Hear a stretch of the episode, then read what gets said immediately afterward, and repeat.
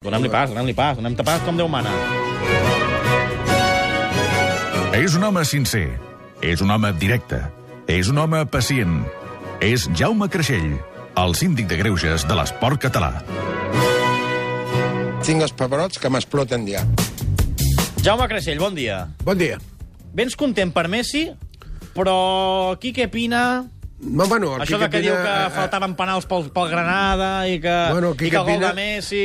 Jo el vaig conèixer fa molts anys, quan ell començava de, de representant de, de jugadors, al camp del Sant Andreu, el que estàvem a segona B, venia allà amb el Xavi Agustí, el gran amic meu de Banyoles, Sí. I venien allà pues, a oferir-me jugadors i tot això. I tinc, què? una amistat, amb, tinc una amistat amb ell. Amb el Quique Pina? Sí, bueno, ens coneixem. Amb el president del Granada? Sí, ens I no t'ha fitxat pel No, Granada? A mi que, que em fitxi, que va, home, a mi ja, ja No, em perdona, fitxen. tenia el Fabri, t'hauria Eh? pogut tenir a tu, eh, també. Bueno, el Fabri i jo no, no congeniàvem gaire. No? No, amb aquest no, tampoc. tenir un pitote a Vam tenir Manlleu. Manlleu, va arribar allà i va dir que el primer que va dir va dir oh, aquest equip li falta físic. I jo li vaig contestar al diari que els que venen a menjar el pa dels catalans l'únic que tenen de tenir respecte. Que entrenés i callés i aviam si guanyava partits. Va guanyar partits? Sí, va fer bastant Ah, bona campanya. almenys, bueno, però sort. el primer que es fa quan es té... Hi ha ètiques amb els entrenadors, que quan un marxa d'un puesto, el primer que ha de fer és ajudar el que se'n va que està trist i està fotut. Llavors no el vulguis ensorrar. Dóna-li la mà, ve l'equip, físicament, ha tingut sort, anem a canviar les idees. El que hi ha entrenadors que volen descobrir el futbol i llavors aquests són els enterats. M'he cansat d'aguantar i no dir res. Hi ha oients que tenen el pap ple preguntant coses. Per exemple, en Marcel Planes. T'ho pregunta tu, Jaume, confies en Lotina? Avui tindrem campanada, què? Marcel, jo l'he vist treballar molt perquè anava molt... Jo, era, jo que m'estimo tant el futbol, anava molt a veure els entrenaments de l'Espanyol, a la zona deportiva, i treballava molt bé. Jo crec que el Lotina és un entrenador que li falta una mica una mica d'aquesta força que té el Camacho, per exemple, eh? Eh, i, però és un bon entrenador. Jo crec que avui no, te, no, no m'estranyaria que ell usa molt de vegades els, cinc, els tres centrals i dos defenses carrileros, que avui amb el Madrid li juguessin cinc defenses. O sigui, plantar a l'autobús. No, autobús no vol dir. Una, cuidado, una cosa, el, ell és conscient de que juga contra el Madrid. El Madrid és un gran equip. Tramvia. Aquí, si s'entenen tres o s'entenen quatre, se n'ha d'aprofitar dos. Entesos de papers, perquè si no, llavors, si també el Madrid, tal com està de picat, que el minut aquest del diumenge passat el trobaran, a, el, els hi picarà molt aquesta lliga, el gol a l'últim minut. gol de Cazorla. Llavors el Madrid ara va una mica picat. S'ha de tenir cuidado. Jaume, eh, ara que parlàvem això d'entrenador de nou Victòria Segura, tu tenies gaires debuts bons o dolents? Tu ets dels que debutaven en Victòria quan bueno, pues entrenaves? mira, jo una, la Gramenet portaven 10 part, 8 partits, quan hi vaig anar a segona B anaven últims i em va faltar un punt per fer el playoff. Va ser l'any que va pujar al Terrassa amb el Miguel Álvarez, que va pujar al Terrassa sense, sense perdre cap partit. A Mataró, em van buscar els 5 partits, amb l'Abat en pas descansi, un que es va morir, pobret, en pas descansi, tenien 0 punts i vam salvar la categoria B amb el pressupost més brat de la O sigui, categoria. ets un revulsiu. Home. el Villarreal dir, t'havia de fitxar tu. No, no, eh, revulsiu sí que ho soc. El que passa que, a passar dels entrenadors que som revulsius, de vegades són pesats. Llavors tenim d'estar un any o dos en un equip i, I tornar marxar. més endavant. És Com he sigut fet jo, que he estat vuit anys en un equip però he anat canviant.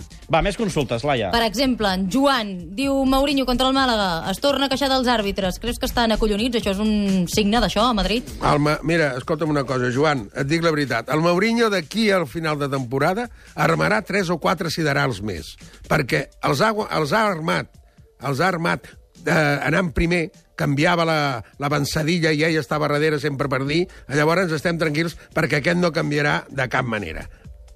Per exemple, més consultes. En Jesús diu primer, Messi, quin crac, tu com el descriuries? I després, diu, em sembla que ets molt optimista perquè tu em confies en la Lliga del Barça, per tant, que hi haurà triplet, no m'ho crec, diu aquest oient. Bueno, jo el que dic amb el Messi, el Messi és un home que, es, que, que està tan identificat amb la plantilla, amb Catalunya, amb tot, té 24 anys i ens ha fet oblidar el nostre ídol, que es deia Lanislau Kubala, que ha fet el Camp Nou, nois.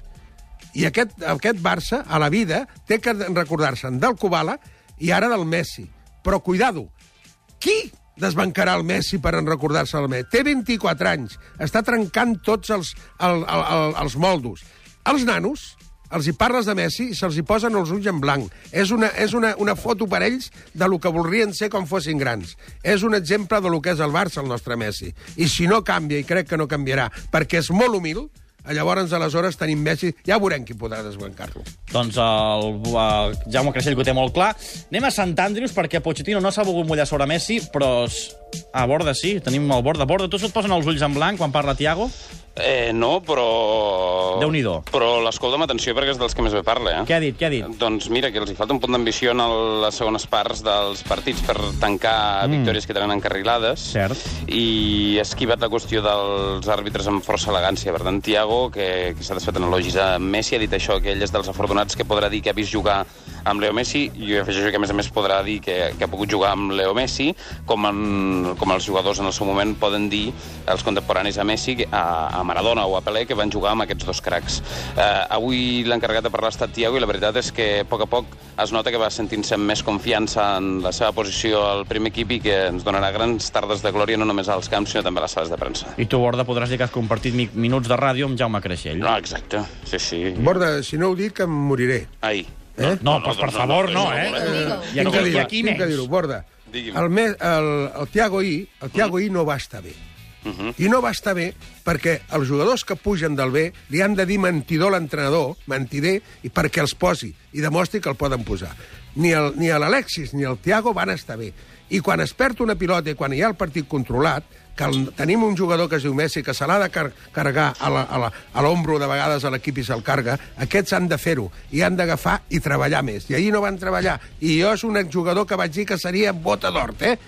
El que passa, que el Pep ho va dir bé a la sala de premsa, però a dins del vestuari suposo que és quan es té de tocar les orelles. Però jo no li puc tocar si no ho dic aquí. Vinga, Tiago, seràs votador, però ens hem d'esforçar més. Doncs ja ho sap el Tiago, ho sap el Borda i ho sabem tots. Borda, parlem demà, eh? El pròxim dia que puguem parlar amb Tiago li direm. De parte de- del Jaume, escucha el corte.